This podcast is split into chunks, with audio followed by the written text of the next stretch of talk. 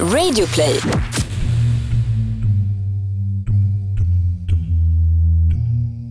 Hej, det här är Mattias som normalt sett gör misslyckade brott. Men där har vi ju sommarlov innan vi kommer tillbaka i höst. Så det du lyssnar på idag är någonting annat. Eller hur Andreas? Ja, det här är nämligen misslyckade makthavare. En slags specialvariant av misslyckade brott kan man säga. Mm, för att eh, det är ju spurt inför valet nu och då passar det bra att prata om ett slags misslyckade brott inom politiken. Och det finns det en hel del av och det kanske inte är så konstigt. Ju närmare makten man kommer, desto mer fartblind blir man. Så är det kanske. För idag ska vi berätta om när sjuka människors bortglömda smycken blev till guld i struparna på ett gäng levnadsglada politiker i västra Sverige.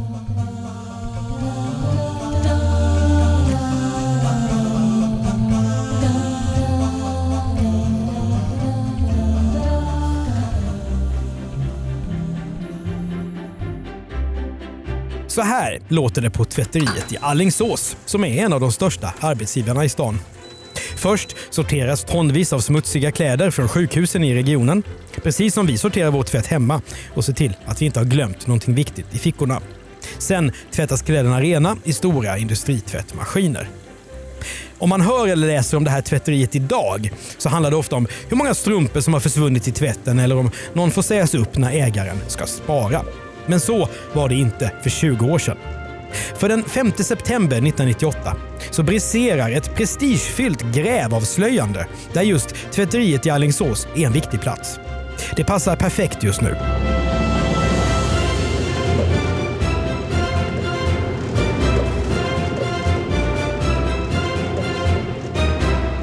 Att nyheten kommer just då är inget konstigt. Dels är det val inom bara ett par veckor och det här reporterjobbet handlar just om politiker. Dels är det här ett trendigt grävreportage. För under slutet av 90-talet så hade medierna lagt mycket krut på att avslöja mygel och missförhållanden i hur just lokalpolitiker sköter sina förtroendeuppdrag. Det kanske aldrig har funnits någon period när journalister har granskat representationsnoter så mycket som under den här perioden. Antagligen är det så. Och det kanske började med Mona Sahlin. Ja, och sen Marjasin Absolut. som klippte och klistrade. Men vad handlar det här om då, 1998? Jo, avslöjandet som först kommer från Sveriges Television och Sveriges Radio i Göteborg går ut på det här. Tvätteriet i Alingsås har haft någonting som de ansvariga kallar för skrotkassa. Det är helt enkelt ett hemligt konto som inte funnits med i någon redovisning. Inte nog med det. Skrotkassan fanns för att bekosta representation för politiker i Alingsås och chefer på tvätteriet. Representation, det är krognotor och spritnotor. Det här behövdes, för landstinget i Älvsborg har nämligen en policy om att man inte får representera med alkohol. Och att det är just ett tvätteri som blir huvudplatsen i den här affären, det är liksom ödesmättat. För tvätteriet är ju till för att smutsiga saker ska bli rena. Men det finns också ett annat skäl till att just tvätteriet har haft det hemliga kontot. För pengarna som går in i skrotkassan kommer från saker som patienter har glömt i sina sjukhuskläder. Smycken, klockor, guldföremål. En del av värdesakerna ska till och med ha tagits från patienter som dött. Och eh, när tvätteriet har sålt lump eller har bytt ut maskiner, då har vinsterna därifrån också pumpats in på det svarta kontot. Kassan fanns när jag kom till tvätteriet i början på 80-talet. Den var sanktionerad av politikerna. Det hävdar Mats Vincent, som är den tidigare förvaltningschefen på Alingsås tvätteri. Han ska bli en av huvudpersonerna i det här fallet. Om det låter lite abstrakt med en sån här fluffig kassa så är det inte alls så i verkligheten. Skrotkassan dokumenteras helt enkelt i form av en svart kassabok i den biträdande chefens skrivbordslåda. Jag betalade notor med mitt kort och sen täckte jag det med pengar ur kassan, säger Mats Vincent. Men varför pratar han så mycket? Varför berättar han hur allt har gått till? Nej, det är obegripligt. På tvätteriet i Alingsås säger man nu i det här avslöjande reportaget i medierna att alla anställda har känt till skrotkassan. Landstingsrådet Hasse Andersson, han är socialdemokrat. Landstingsrådet Gösta Davidsson, han är moderat. Och förre ordföranden i tvätteristyrelsen, Håkan Rydbeck, som också är sosse. Ja, de tre pekas ut. Och Det är ganska många politiker som uppges ha varit med på utlandsresor, fina krogmiddagar och blöta sittningar. Men de har inte haft en tanke på att det skulle handla om svarta pengar. De trodde att det var vanlig representation som följt reglerna. Det säger de i alla fall. Ett poddtips från Podplay. I fallen jag aldrig glömmer djupdyker Hasse Aro i arbetet bakom några av Sveriges mest uppseendeväckande brottsutredningar. Går vi in med hemlig telefonavlyssning och, och då upplever vi att vi får en total förändring av hans beteende. Vad är det som händer nu? Vem är det som läcker? Och så säger han att jag är kriminell, jag har varit kriminell i hela mitt liv men att mörda ett barn, där går min gräns. Nya säsongen av Fallen jag aldrig glömmer på Podplay.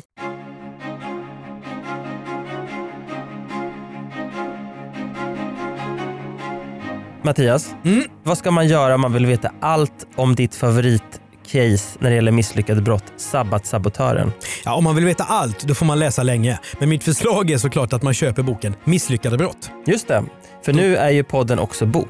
Man slipper höra mig, men man får i gengäld se bilder och läsa text. Ja, och när det gäller just sabbatssabotören som är ett av de elva kapitlen i boken så får man se fantastiska eh, tidningssidor eh, från eh, 1946. Där, va? Ja, men exakt. Där folk är rädda för sabbatssabotören eller portvaktsskräcken som den här ligan också kallades för. Mm. Misslyckadebrott.se är adressen dit man går för att köpa boken, lämpligen. Och eh, Den kan man ju också läsa i väntan på att vi kör nästa säsong av Misslyckade brott. Som börjar i september. Precis. Men låt oss eh, gå tillbaka till skrotkassan i Allingsås, för nu börjar jag få feeling här.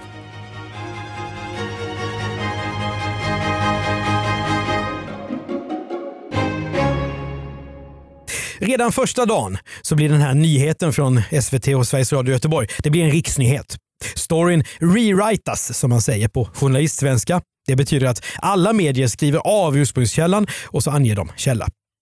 Och nu blir skrotkassan oundvikligen en rättssak. Landstingsdirektören i Alingsås anmäler det hela som brott och ekoroten på polisen i Borås börjar utreda det här. Politikerna vill inte gärna prata om det här i medierna såklart. Men den förre tvätterichefen Mats Vincent är ovanligt pratsam. Han berättar att de svarta pengarna har gått till kräftskivor och julsprit. En båtresa för över 150 personer har också betalats ur skrotkassan. Resor har gått till Dallas med pitstop i New York. Varför åker man till Dallas? Inte vet jag, jag har aldrig varit där. Nej. De kanske tyckte om tv-serien. Obegripligt. Skrotkassan har också gått till resor till Paris, Birmingham, Frankfurt, Kiel, Portugal, Danmark och det flådiga Finland. Kiel hade jag också strukit från listan, det kan jag säga. Det, de har ganska dålig smak när det gäller resor får man säga. De har ju alltid säkert knutit upp det mot någon eh, officiell tillställning. Varför måste man resa så här mycket med ett vanligt landstingstvätteri som betalare? Tycker du inte det var konstigt? Frågar Aftonbladet Mats Vincent. Nej, resorna ansågs väl motiverade. Alingsås är en liten jävla håla, så det är klart man sticker iväg, säger Mats Vincent. Han är ärlig i alla fall för mig. Honom. Att, jag undrar om han ens kunde gå ut på gatorna. I många sådana här kvittoskandaler så brukar det handla om några få sönderklippta fakturor eller papperslappar. Men inte i det här fallet. För Mats Vincent säger att han har koll på varenda grej som har betalats ur skrotkassan. Det är redan kört för dem, hur mycket de än ljuger, säger han om politikerna. Allting finns på papper och på varje krognota finns samtliga namn, säger Mats Vincent. Gösta Davidsson och Hasse Andersson tar en så kallad timeout. Och de hoppar av sina uppdrag tillfälligt. Men Andreas, vad det här med timeout är, tänkte jag vi skulle grotta ner oss lite grann i. Mm, det var väl Salin som satte det på kartan lite grann. Precis så. Och timeout kommer ju från början från sportens värld. Just det. Och Det går då ut på att man inte jobbar längre med det som man har lön för, eller hur? Eh, Precis, man, det är väl ett sätt att försöka antingen skjuta upp avgången eller hoppas att det hela ska blåsa över. Tar man ut lön under tiden man har timeout? Jag tror att det är lite olika faktiskt. Men är det här en riktig term? Finns det en timeout i arbetslags... Eh, arbets... Nej, då heter det väl att man blir avstängd eller arbetsbefriad med full lön. Det är väl så det heter rent eh, juridiskt. Timeout är ju en, som sagt, det är ju en, det är ju en eh, sporttime. Det är ungefär som att man kan inte utvisa någon från arbetsplatsen utan då, då får ju någon helt enkelt sparken. Men om vi ska bli lite allvarliga. Vi vanliga människor, vi kan ju inte ta timeout från jobbet. Nej, och det är väl det som är eh, grundproblematiken i alla de här skandalerna. Oavsett om det handlar om mycket eller lite pengar så tror jag att det folk blir förbannade på är att de ser sina folkvalda som ska representera dem och andra väljare spela efter helt andra regler. Mm. Hur som helst, tillbaka till skrotkassan i Alingsås. Jag gissar att några politiker får gå, säger den mycket pratglade Mats Vincent. Det här har spolierat deras karriär, säger han. Han upplever nu sitt livsperiod som mediekändis. Han får till och med ett slags roll i medierna som oberoende tillförlitlig källa. Medierna riskerar ingen kritik för att de går för hårt i drevet på det sättet. De hårda vinklarna kommer av sig själva så fort Mats Vincent öppnar munnen. Men det här är ju lite som Mikael Brinkenstierna, skandalmanagern som åkte runt på såna här barturnéer med Villa Medusa-deltagare. Mm. Och så rapporterade fina P1 och andra om alla svarta pengar och att folk blev utnyttjade. Och hur hemskt det var att kvällstidningarna bara skrev eh, helt okritiskt om vad Mikael Brinkenstierna sa. Mm. Och så hade de en enda källa, Brinkenstierna själv. Ja, just det. Eh, så att då var det som att genom att berätta om det man gör Mm. och inte skämmas för det så är det som att man kommer undan på något konstigt sätt. Det är ett märkligt fenomen. Jag tror inte att Mats Vincent hade älskat att bli jämförd av dig med eh, eh, Mikael Brinkenstierna. Eller så hade Brinkenstierna inte gillat att bli jämförd med Mats Vincent. Så kan det vara. Hur som helst så säger Vincent nu att den här skrotkassan har funnits mellan 1980 och så långt fram som till 1995. 15 år. Men nu är Mats lite för pratglad för att han ska kunna komma undan en motattack från de politiker som han har hängt ut.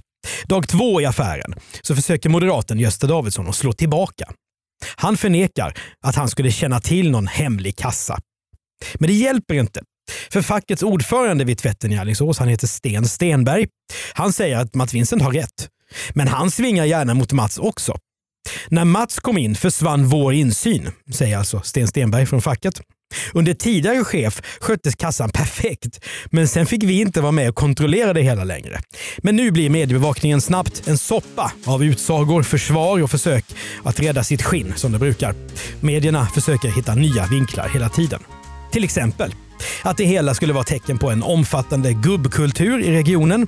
Det säger socialdemokraten Lena Nilsson. Eller att den här skandalen är extra svettig för det är ju val just den här månaden. Och det stackars eh, tvätteriet i Alingsås det råkar ut för mer problem när revisorerna hittar tio andra punkter där företaget inte har skött sig enligt reglerna.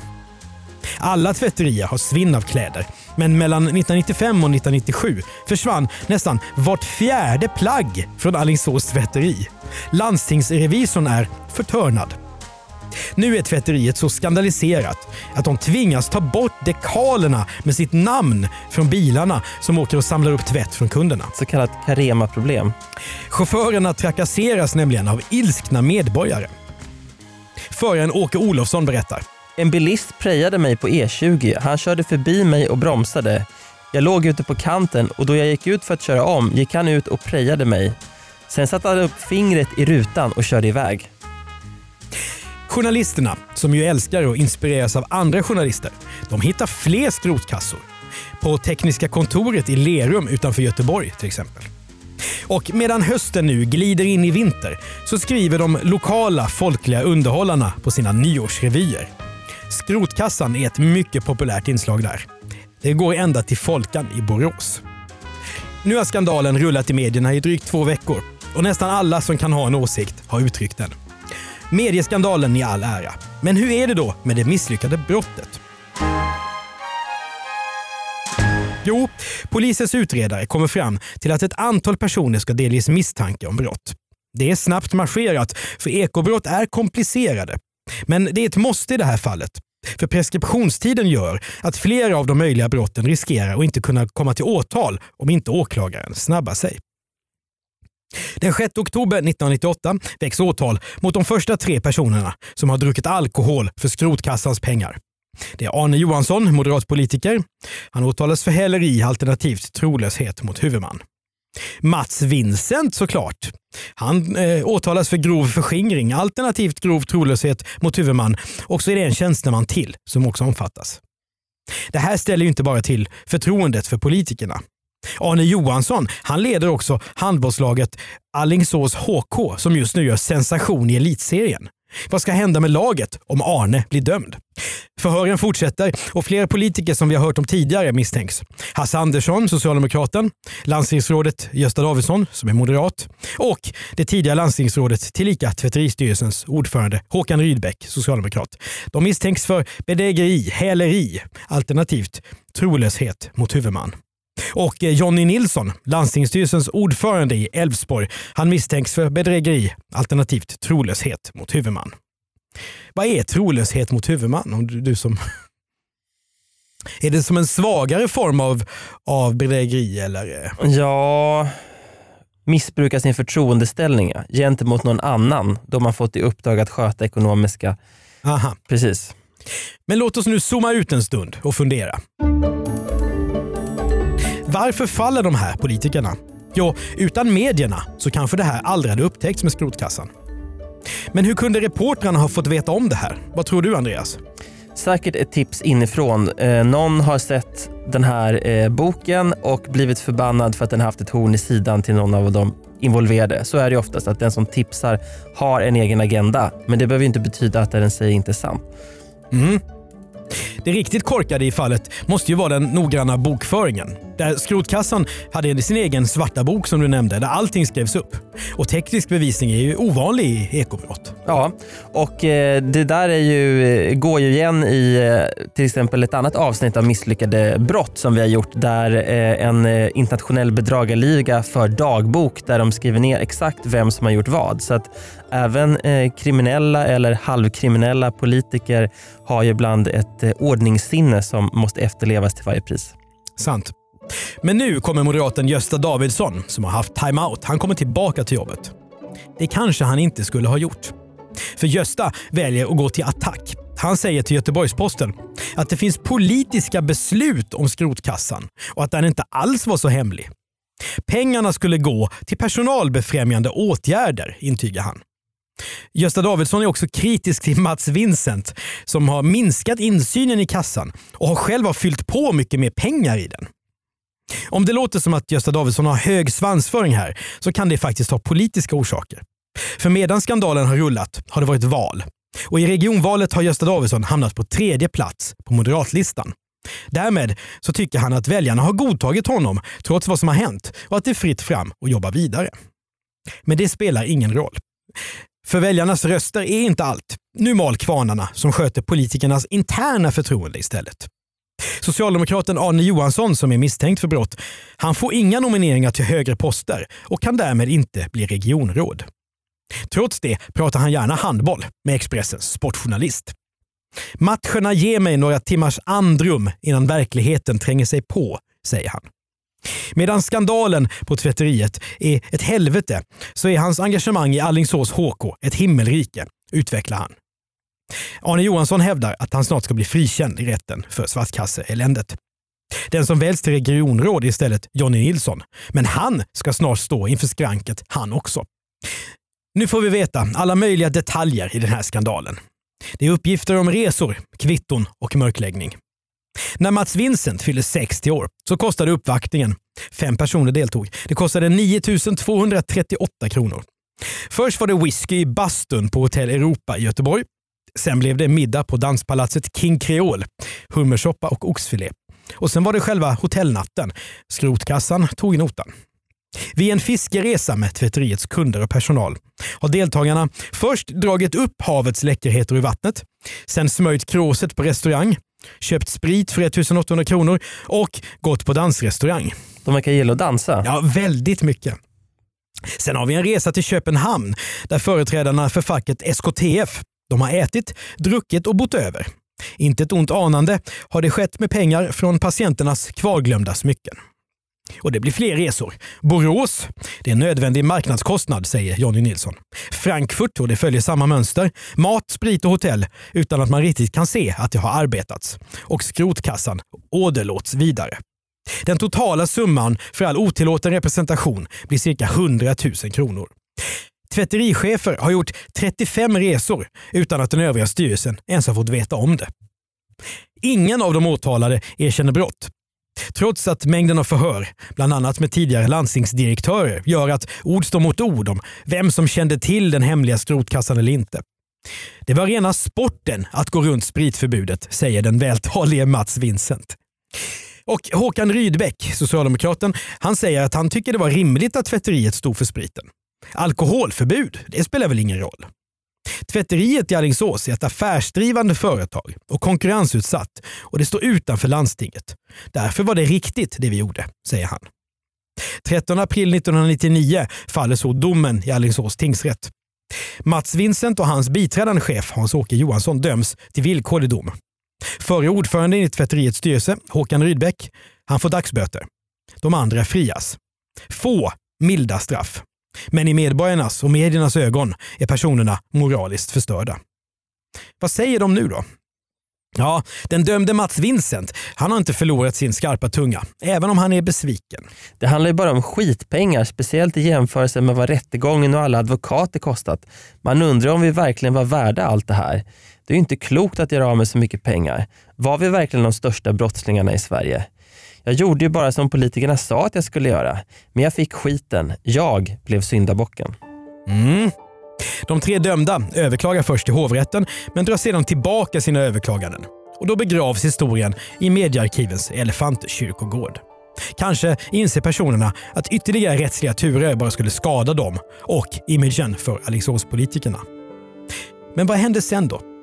Magnus Svenungsson, reporten som avslöjade alltihop, han får Stora Journalistpriset. Han plockas upp av Sveriges Television och jobbar på Uppdrag granskning i 11 år fram till 2018. Tvätteriet i Alingsås det finns kvar än idag och är en viktig arbetsgivare på orten. Och 2011 eh, kom en av de som har varit tystast i den här härvan. Håkan Rydbeck, då 84 år. Han kom ut och ville rentvå sig själv i självbiografin Mitt liv. Det är jättekonstigt att en landstingspolitiker skriver en. Med sån högtravande titel också. Ja. Undrar hur mycket den sålde. Sålde den mer eller mindre än boken Misslyckade brott? Det är en celebrity death match mellan de två. Inga siffror på det. Håkan Rydbeck, som är socialdemokrat, han säger att han har fallit offer för en politisk rättegång eftersom åklagaren var moderatpolitiker och flera nämndemän var borgerliga. Orimliga proportioner eller inte. Idag är den här härvan ett av många exempel på brottsligt mygel för våra gemensamma pengar, vilket till slut uppdagas. Det lyckades länge, men även i ett tvätteri kan man missa att göra en smutsig byk ren. Du har hört ett avsnitt av Misslyckade makthavare. Redaktör är Andreas Utterström och exekutiv producent Jonas Lindskov. Lyssna gärna på Misslyckade brott såklart innan den är tillbaka med säsong 4. Och eh, om du vill läsa mer om Misslyckade brott så går du in på misslyckadebrott.se och kollar in boken. Glöm inte prenumerera och betygsätta oss i iTunes. Skriv gärna en recension också för det hjälper fler att hitta både den här podden och Misslyckade brott. Och om du har synpunkter på vad du just har hört eller tips på andra fall som vi borde ta upp oavsett om de handlar om politik eller inte så mejla oss på Misslyckadebrott at bplus.se. Längre än jag trodde det här. Ändå. Ja. Ja. Usch, så vad är det vi har kvar nu? Just, hinner vi det? Börja igen.